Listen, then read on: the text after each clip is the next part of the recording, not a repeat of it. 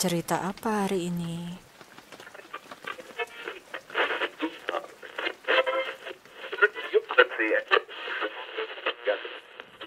Hai all, gue Mariska. Selamat datang di podcast gue. Podcast ini membahas tentang cerita horor, thriller, kriminal, dan misteri. Oke, di podcast kali ini gue pengen membahas tentang fenomena doppelganger dan fenomena rumah atau bangunan yang dihuni sama penghuni dunia lain. Tapi gue nggak sendiri. Gue akan membahas hal ini dengan dua orang teman gue. Ada Indro. Hai Indro. Halo, gua Indro. Dan Bella. Hai Bella.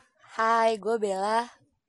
Oke, jadi ceritanya nih ya, kemarin gue nge-share di Instagram gue. Jadi gue nanya ke followers-followers gue tentang eh, pengalaman mereka di eh, rumah rumah atau bangunan angker atau cerita horor yang pernah mereka alami. Nah, salah satu followers gue, ini udah gue pilih dari semua jawaban, eh, itu menjawab kalau di rumah dia itu dia sering lihat eh, doppelganger salah satu anggota keluarga dia.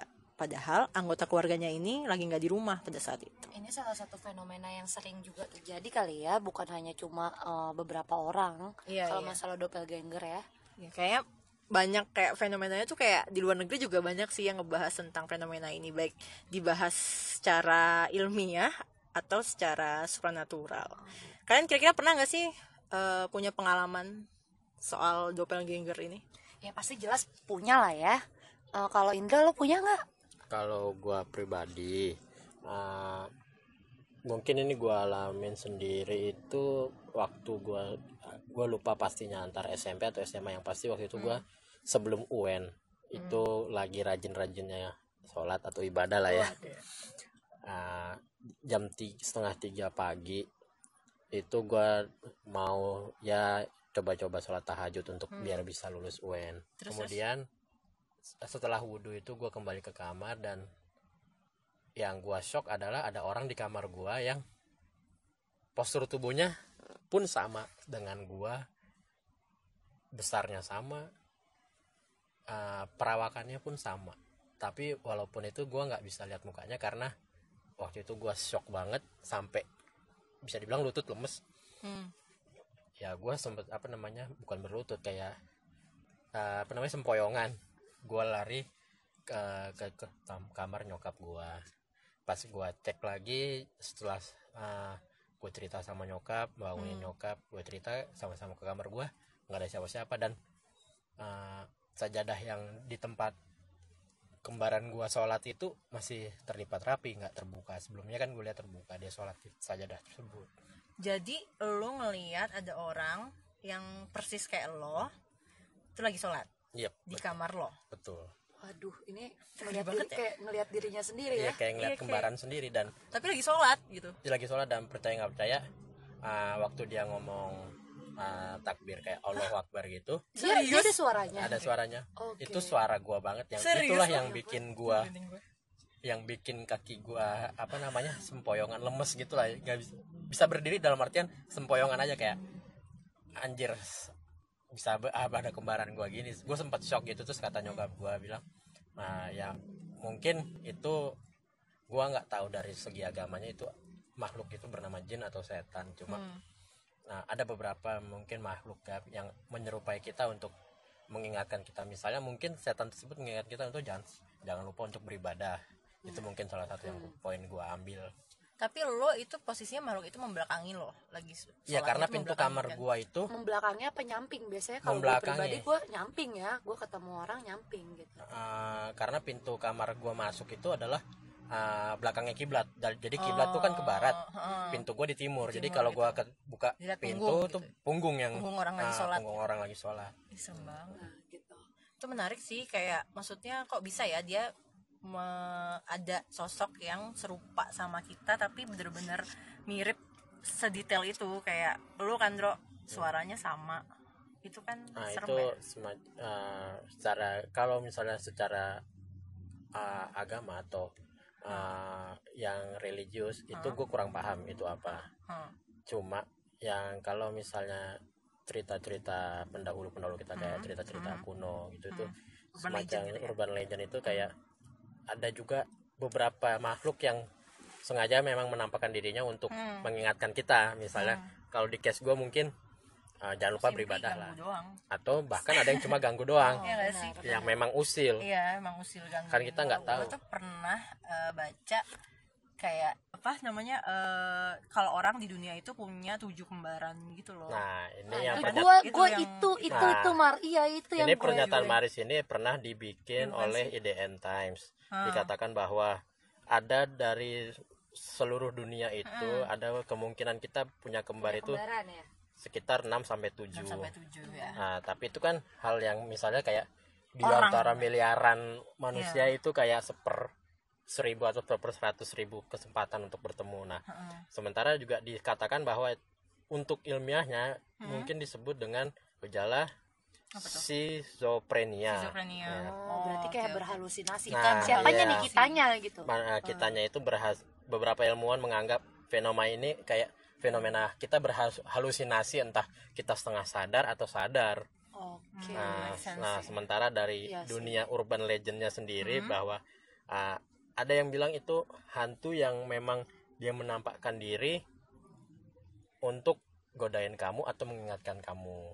Oh. Ini dilansir oleh IDN Times pada Jadi ada banyak di tahun lah ya, 2019 yang ya. membahas tentang fenomena doppelganger. gue sih yakin setiap orang itu pasti pernah mengalami ini kalau gue pribadi karena kayaknya lo tadi di situ deh gitu kan pasti ada lah teman-teman kita Ya juga pernah juga sedikit. eh tadi bukannya lo yang di situ gitu kan Oke. Next nih ya. Jadi gue dulu itu pernah ngekos di tahun 2014 di kosan yang eh, bisa dibilang angker dan eh, ada gangguan dari makhluk dunia lain. Nah, kosan ini tuh sebenarnya homey banget. Jadi di tahun 2012 gue tuh pindah ke eh 2014 gue pindah ke kosan ini. Cuma ada 6 kamar. Ibu kosannya baik banget. Kosannya khusus cewek ibu kosannya ini cuma punya satu anak cewek suaminya udah meninggal jadi dia cuma berdua di rumah itu dan kamar semua anak kosan tuh di atas ada enam kamar terus ada satu kamar khusus untuk setrikaan. Tau gak sih kalau kayak tempat buat setrikaan? Jadi posisinya tuh ada enam kamar tiga tiga gitu hadap hadapan terus ada pintu keluar ada kamar kos ada kamar eh, tempat apa tempat setrika. Terus ada kamar mandi dua. Nah di tengah-tengah itu ada tangga. Tangga buat ke lantai tiga khusus buat jemuran. Jadi jemurannya outdoor gitu. Nah waktu pertama-tama gue pindah gue tuh nggak ada feeling aneh atau gimana banget sih? Karena dulu teman gue juga ngekos di situ dan dia nggak pernah cerita. Serem. Nggak ngerti apakah dia nggak pernah diganggu apa gimana gue nggak paham. Nah, tapi setelah beberapa hari gue di kosan itu rasanya tuh nggak tenang gitu. Jadi kayak tiap malam itu gue selalu kebangun jam 3 malam itu kayak ada yang ngeliatin jadi eh, jadi kayak gue tidur selalu matiin lampu salahnya gue nih gue tidur selalu matiin lampu Nggak salah sih. nggak salah sih ya sebenarnya ya Normal orang. normal aja ya Nah, nah tapi kan katanya kalau kayak gituan tuh gua harus loh. ada cahaya kan kalau katanya ya tidur, gue tidur gue tetap nyala lampu Nah, kalau gue tuh suka matiin lampu. Jadi gue matiin lampu, tapi setiap jam 3 malam nih gue selalu kebangun, terus hawanya tuh jadi kayak dingin gitu, dan gue ngerasa kayak ada yang ngeliatin. Hmm. Nah, terus di malam-malam tertentu itu gue sering, apalagi malam Jumat ya, gue sering denger ada orang tuh kayak malam-malam jam 12-an malam tuh masih ngepel, nyapu, atau kayak jadi posisinya kamar gue itu sebelahnya kamar eh, setrikaan. Jadi gue tuh sering denger tiap malam itu kayak ada orang nyetrika ada orang buka tutup lemari ada orang nyuci ada orang naik ke jemuran dan itu semua malam-malam. Dan ini lo intens ya intens tiap malam kayak gitu. Tiap malam. Tiap malam. Dan ada malam-malam tertentu yang dia bener-bener kayak obvious banget. Ada orang berkegiatan nyapu ngepel Nyuci. eh, eh, buka pintu buka pintu garasi di bawah dan lain-lain. Dan itu kayak menurut gue nggak make sense karena itu kayak jam 3 malam kejadiannya jam 12 malam gitu kayak gitu. Dan lo ada ada udah tahu ada behind story-nya Nah, nggak? belum tahu waktu itu. Gue Oh, tak gue cuma kayak mikir oh ya udah paling anak kosan gue lah. Gue masih positive thinking banget Hmm. sampai waktu itu gue cerita ke teman gue terus teman gue ini emang dia kayak agak bisa ngerasain gitu kan. Jadi ada, ada satu teman gue yang dia memang kayak eh, bisa ngeliat. Hmm. nah gue ajak nginep tuh di situ. Gue ajak nginep terus malam-malam gue inget banget jam 12 dia mau kamar mandi karena waktu itu kamar mandinya di luar. Jadi dia keluar dari kamar terus dia balik lagi. Nggak jadi. Gara-gara dia bilang di kamar mandi ada cewek. Tapi dia tahu cewek itu bukan anak kosan. Ah. Dia dan takut. dia tahu bahwa itu Heeh. adalah sa- something Iya. lah ya. Jadi dia ngelihat cewek ini keluar dari kamar setrikaan ke kamar Ah. mandi. Karena kan kamar mandi di depan kamar setrikaan. Oke. Gue merinding sih. Serius gue masih keinget banget itu. Hmm. udah terus ya udah malam itu kita ya udah tidur gitu. Dia nggak berani ke kamar mandi. Nah beberapa minggu kemudian eh apa namanya temen gue satu lagi ada yang nginep. Hmm. itu dia suka nonton Korea lah nonton drakor Hmm, sampai jam 2 malam tiba-tiba dia itu bangunin gue Hmm. terus kayak kita nyalain lampu dan lain-lain jadi dia bilang kalau pas dia lagi nonton dia nontonnya sampai malam sih Oh. terus Oh, semua gue gue pernah dengar sih Iya, gitu. iya, semua ta- jadi gue tuh naruh tas di atas lemari Iya. nah katanya tiba-tiba semua tas gue tuh jadi kayak jatuh ke dia gitu kayak dia dilempar lemparin sama tas-tas gue itu Oh my Ya, god. kayak gitu. Long story short lah pokoknya banyak banget gangguannya. Terus uh, one day temen gue jadi gue punya temen yang dia bisa uh, ngedenger gitu. Jadi dia datang ke kosan gue terus dia bilang katanya di bawah itu dia ngedenger suara anak kecil. Hmm. ya. Nah terus gue main ke apartemen dia. Di apartemen dia itu ada oma-oma gitu. Suka baca tarot dan lain-lain lah. Terus dia bilang dia nyuruh gue pindah. Terus eh apa dia dia pindah dia nyuruh gue pindah dan dia cerita dia nanya jadi dia nanya gue kosan di mana? Kosan di satu daerah lah di Jaksel lah ya. So it's ya ini medium kita lo tarot nih untuk enggak enggak. Oh, jadi dia dia emang pembaca tarot dan dia emang sensitif. Oh oke. ini kita nggak pernah ngomongin kosan gue nih sama dia sama si Ah, oma oke, ini. nah jadi dia nanya Mariska ngekos di mana? Di sini oma gitu kan. Lu lu detail Heeh. kasih Enggak, tahu dia enggak? dia cuma nanya dulu Mariska ngekos di mana? aja. Heeh, daerah sini yang ngekos ini ya ibunya kayak gini ya Oh. Eh, anaknya ini ya letaknya di sini ya gini gini segala macam dia nanya tuh detail banget Oh. iya gue bilang terus eh, dia bilang oh kamu buruan eh, pindah deh dari situ dia bilang gitu kan Oke. emang kenapa oma iya itu rumahnya nggak nggak bagus tapi homey banget gue bilang gitu kan Ah. tapi kamu digangguin mulu kan Heeh. Eh, iya sih gue bilang gitu jadi ternyata kata si oma itu tahun 19 eh, 90-an lah pokoknya waktu itu daerah itu masih sepi banget nggak seramai Ah, sekarang.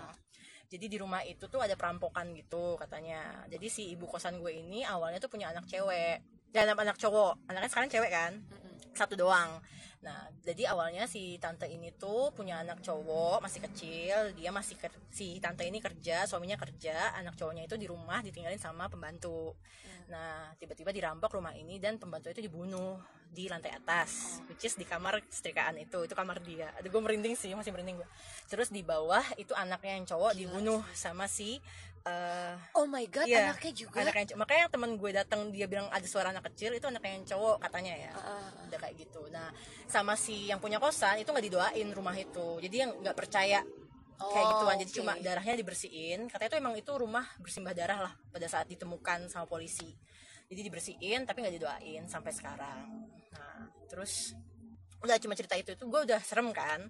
Terus ya udah gue akhirnya mencari kosan which is kosan gue yang sekarang terus gue pindah. Nah pas gue lagi pindahan itu ada bapak-bapak di depan rumah itu nyamperin gue sama teman-teman gue terus dia nanya gue ingat banget dia nanya eh mbak tereliminasi ya? Dia Oh bilang gitu. iya bilang Berarti gitu. mereka udah tahu juga. Udah tahu nih ternyata tetangga Ah, sekitar situ. Terus gue bilang ah iya pak kok tahu terus dia nanya berapa lama emang di sini bla bla bla terus dia bilang iya masa mbak nggak tahu sih orang lewat rumah ini aja tuh di- bisa digangguin Oh dia bilang God. jadi dia cerita eh, dia punya ponakan dari Jepara nih ceritanya hmm. Si Eh, bapak itu? eh, eh, lagi nginep di Oke. Jakarta nah ponakannya ini pulang malam jam 2an gitu lewat di depan rumah itu jadi dia lagi lewat malam-malam nih kan ya sepi dong Hmm, hmm. tiba-tiba ada mbak-mbak di balkon kosan gue Oke. manggilin kayak cewek rambut panjang standar lah ya cewek rambut panjang baju putih manggilin dia terus ya menurut lu aja malam-malam ada cewek duduk di jendela balkon. balkon ngapain kan manggil lo terus didiemin sama dia dia kayak takut terus si mbak-mbak ini turun dong Oh my god. Aduh, kalau dompet turun ya, Bu. jadi dia turun samperin ya disamperin sampai si Tapi ponakannya sampai- ini lari Sampai nyamperin. iya ya. sampai seagresif itu dia katanya agresif banget kalau sama cowok gue nggak ngerti ya apa karena dia cewek gitu samperin sampai si ponakannya ini manjat pagar sampai jatuh. Ya ya, sampai teriak-teriak gitulah itu. Sampai membahayakan Mm. berarti kan. terus si cewek itu katanya tawa-tawa ya gitulah. Ya, gue nggak ngerti. Terus yang kedua bapak ini sendiri. Jadi kata bapak ini kan jadi se- ini ya kosan gue tuh sebelahnya tuh masjid persis. Bener masjid persis. Gue nggak tahu masjid itu dibangun karena rumah itu pernah ada pembunuhan apa enggak gue nggak ngerti. Nah si bapak ini karena dia ketua rt dia suka azan kan azan subuh. nah one day dia mau azan subuh sekitar jam empatan lewat gitu dia lihat ada anak kosan lagi buka pintu pagar. Heeh. dia kira anak kosan baru pulang. Nah bapak ini nggak tahu dong ditegur dong. Eh neng baru pulang jam segini. Terus pas eh, anak kosannya itu kayak mau ngejawab ngeba- jadi dia posisinya ngebelakangin bapak ini kan lagi buka pintu kosan nih. Pas ngebalik itu ternyata si mbak mbak itu terus kayak senyum dan ketawa-tawa gitu. Terus bapak itu takut nggak jadi azan. Nggak jadi ke masjid. Itu se ekstrim itu. Satu orang ini juga punya cerita nih Iya. Nah, kalau gua sendiri Maris jadi setelah peristiwa double ganger itu ternyata di rumah yang sebelumnya yang maksudnya dalam artian gua di Jakarta Rumah itu lama rumah lo lama. berarti. Nah, di sebelumnya. rumah baru berarti sekarang tahun 2010 itu gua pindah ke rumah baru masih tetap di bilangan Jakarta Hmm. Uh, gua nggak tahu asal muasal rumah ini karena waktu itu bokap gua beli uh, lagi ada rezeki dengan harga bisa dibilang masih terjangkau untuk di daerah yang tidak kena banjir tapi kita boleh tahu nggak kenapa lo bu pindah karena rumah lama gua itu uh, adik gua juga ngerasa nggak nyaman mungkin ada ada gangguan. beberapa gangguan-gangguan yang lain tapi adik gua lebih memilih diem jarang dia mau cerita Hmm. Nah, gue pindah akhirnya ini rumahnya itu nggak besar-besar banget, tipikal rumah dengan tiga kamar buat satu orang tua dan dua anak ditambah dua kamar mandi, dua lantai, jadi nggak besar-besar banget. Nah, di kata gua itu awal-awal di sana itu udah ngerasa kayak yang kamarnya bersih, cuma kayak ngerasa kumuh gimana ya? Ngeras gimana sih itu rasanya? Maksudnya Ah, kamarnya pengap kamarnya Oh, bersih. Sumpek Ah, ah, gitu. sumpek gitu ya. Ah, maksudnya iya sumpek tuh apa sih? Kayak pengap kali ya? Pengap, pengap. Pengap panas Ah, gak ah. enak gitu rasanya. Nah, setahun dua tahun gue tinggalin eh, ada beberapa gangguan-gangguan kecil yang eh, di luar nalar aja. Kayak misalnya eh, gua kan ada AC itu bisa naik turun derajatnya naik turun sendiri tanpa gua pencet. Nah, maksudnya tiba-tiba dingin tiba-tiba Enggak, apa tiba-tiba sebutannya? panas gitu Misalnya dari 26 ke 24. hmm, iya 25, bisa kayak gitu kan 24 ke 26 itu sendiri dan itu kejadian gue sengaja kadang-kadang gue pura-pura tidur gue tahu diapain sih nih kamar gue nggak sering ada apa di kamar gue Hmm. kemudian nah, yang paling yang paling bikin gue Apa? akhirnya gue sampai saat ini gue tinggal di bawah aja sama nah, me- nempatin kamar adik gue dan adik gue pindah ke kamar orang tua gue hmm. karena di atas itu eh, kadang-kadang ada perempuan yang nunjukin dirinya itu di pojokan gudang. Oke. Di gudang sebelah kamar gudangnya lo? ah, gudangnya ini melewat kalau gua mau ke kamar itu gua otomatis melewatin gudang oke. tersebut. Hmm. nah di gudang ini pintunya itu keganjel dengan peralatan-peralatan barang-barang Hmm. yang artinya gudang itu akan terbuka terus dan gua harapkan bisa melihat isi gudang itu untuk masuk ke kamar gua wah Oke, itu jadi agak lu- agak horor sih mau nggak mau kalau lo mau tidur ya lo Lewat, harus ah, jadi lihat gudang pembatasnya ini. satu tembok jadi Oke. ibaratnya kamar tembok gudang Ah, ah, ah, ah. Oke. Itu yang dan tapi pintunya selalu terbuka kan Iya karena terganjel banyak banyak jadi Ah. rumah gua yang sebelumnya itu banyak banyak bawa barang-barang Barang. yang nggak sempat disortir karena keburu bokap gue juga udah meninggal jadi Hmm. Hmm. nah, nggak keburu kesortir lah jadi taruh taruh aja di gudang nah sampai pintunya nggak bisa nutup pada akhirnya ada kejadiannya itu pas gue kuliah itu setelah bokap gue meninggal bokap gue ini kan terkenal alim dan mungkin setannya atau penghuninya itu masih belum mau menunjukkan diri karena Hmm. masih ada bokap gue yang ibaratnya ya sholat mulu ya alim lah ya beribadah Nah, beribadah lah. rajin ah. nah mungkin di tempat saat kekurangan satu keluarga itu mungkin dalam rumah itu energinya dia jadi lebih gede. jadi lebih kuat. Hmm, hmm, hmm, dia mulai nu- nunjukin dari mulai dia lewat seliweran yang nggak napak kayak melayang gitu gimana sih kayak kalau kita ngeliat? iya. tapi belum lihat face to face, face to face maksudnya. belum jadi kayak nggak Ah. sengaja. Misalnya gue buka kamar untuk ngetik atau belajar ya. Waktu gue masih kuliah. Itu dia akan ngelewatin kamar gue dari gudang itu. Waduh. Untuk ke tangga oh tapi nggak pernah nyamperin lo kan? Nggak pernah. Itu kayak jadi misalnya gua nggak fokus terlalu fokus dengan dia. Misalnya gua lagi ngetik menghadap laptop dia akan lewat di samping gua. Oke. Jadi dan pas dia lewat itu ada anginnya. Oh gitu? Iya dan itu yang bikin gua ngerasa ada yang lewat. Oh nah. bukan hanya sekedar kayak lo ngerasa agak merinding gitu ya iya. tapi ada ada, Ada hawa-hawanya lah ya hawa-hawanya gitu. Terus terus? Satu lagi kejadian yang bikin gua shock adalah dia di kamar gua duduk ngingatin gua ngerjain tugas. Berarti lo ngeliat wajahnya?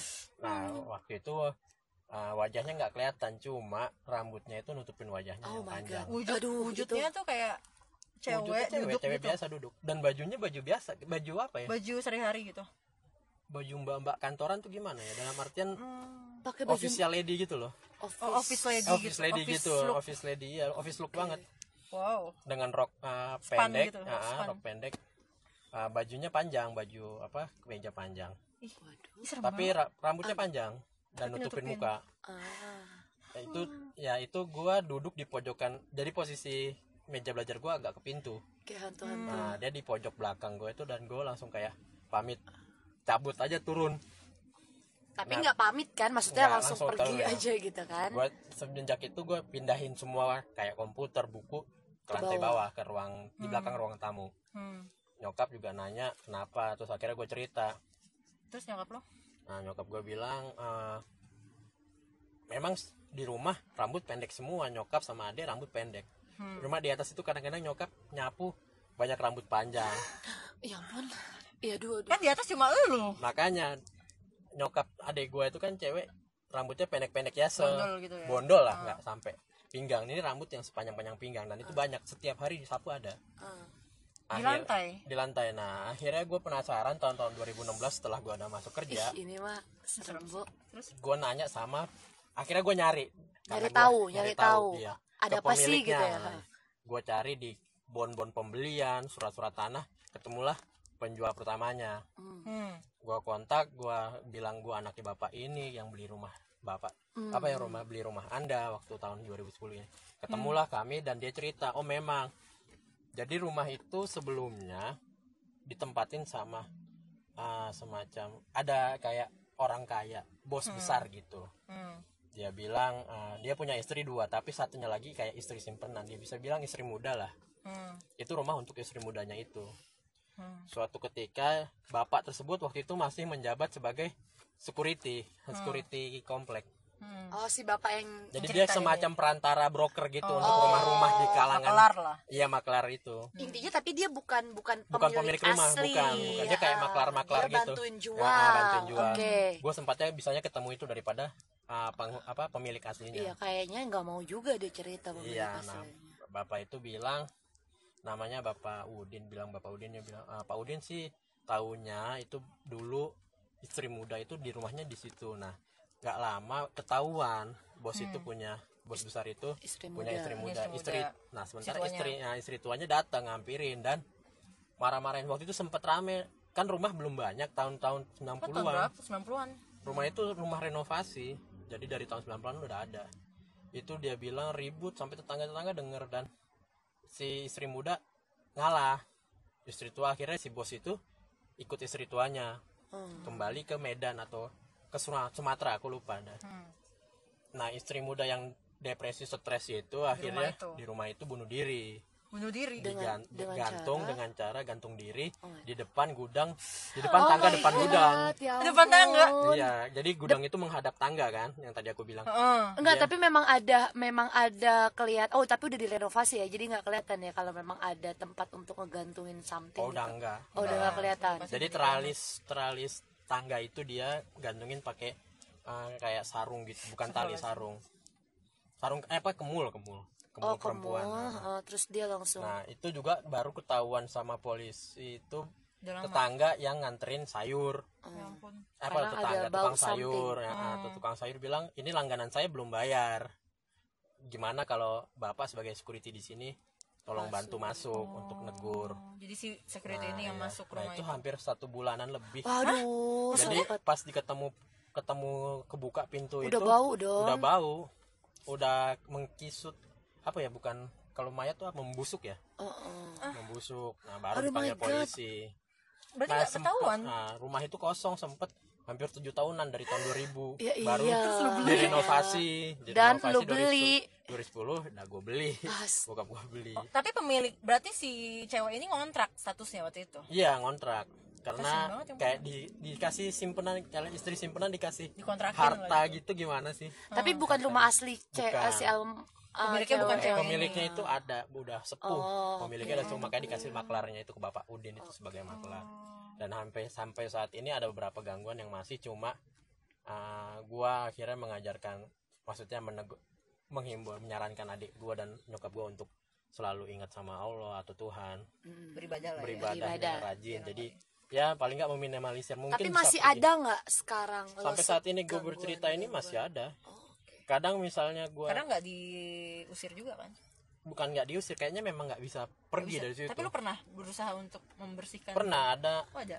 Ada ya nyokap punya kenalan semacam kayak bukan paranormal semacam Ustadz. orang ustadz ustadz gitu untuk ngusir katanya ada ketinggalan energinya dia gitu Res- di residual energi residual ya. energi ya. Itu itu ya itu bahasa yang yang, membuat iya itu yang membuat dia tetap bertahan di situ. Dan menurut gua selama dia nggak ganggu masalah sampai sampai saat ini dia nggak ganggu. Cuma Ya, kadang-kadang dia terlihat. suka misalnya gue tidur di main main komputer apa namanya ngetik komputer itu kaki gue kayak disenggol-senggol itu sering Oh, iya. beberapa kali ampun. karena posisi gua bertempat ngetik atau main komputer itu di bawah tangga tempat dia gantung diri itu Hmm. Mungkin bisa aja pergi kalau dia memang udah ikhlas juga sih iya sih. untuk pergi dari situ cuma mungkin saat ini dia belum ikhlas untuk pergi dari situ walaupun sudah berpuluh-puluh Mm-mm. tahun mungkin dari tahun 90-an ya hampir 20 tahunan ya 20 iya an 20 tahunan 20 tahunan lebih kali ya serem banget Oke, kita kita udah dengerin eh, cerita tentang fenomena doppelganger sama fenomena rumah eh, yang dihuni sama makhluk dunia lain atau makhluk astral.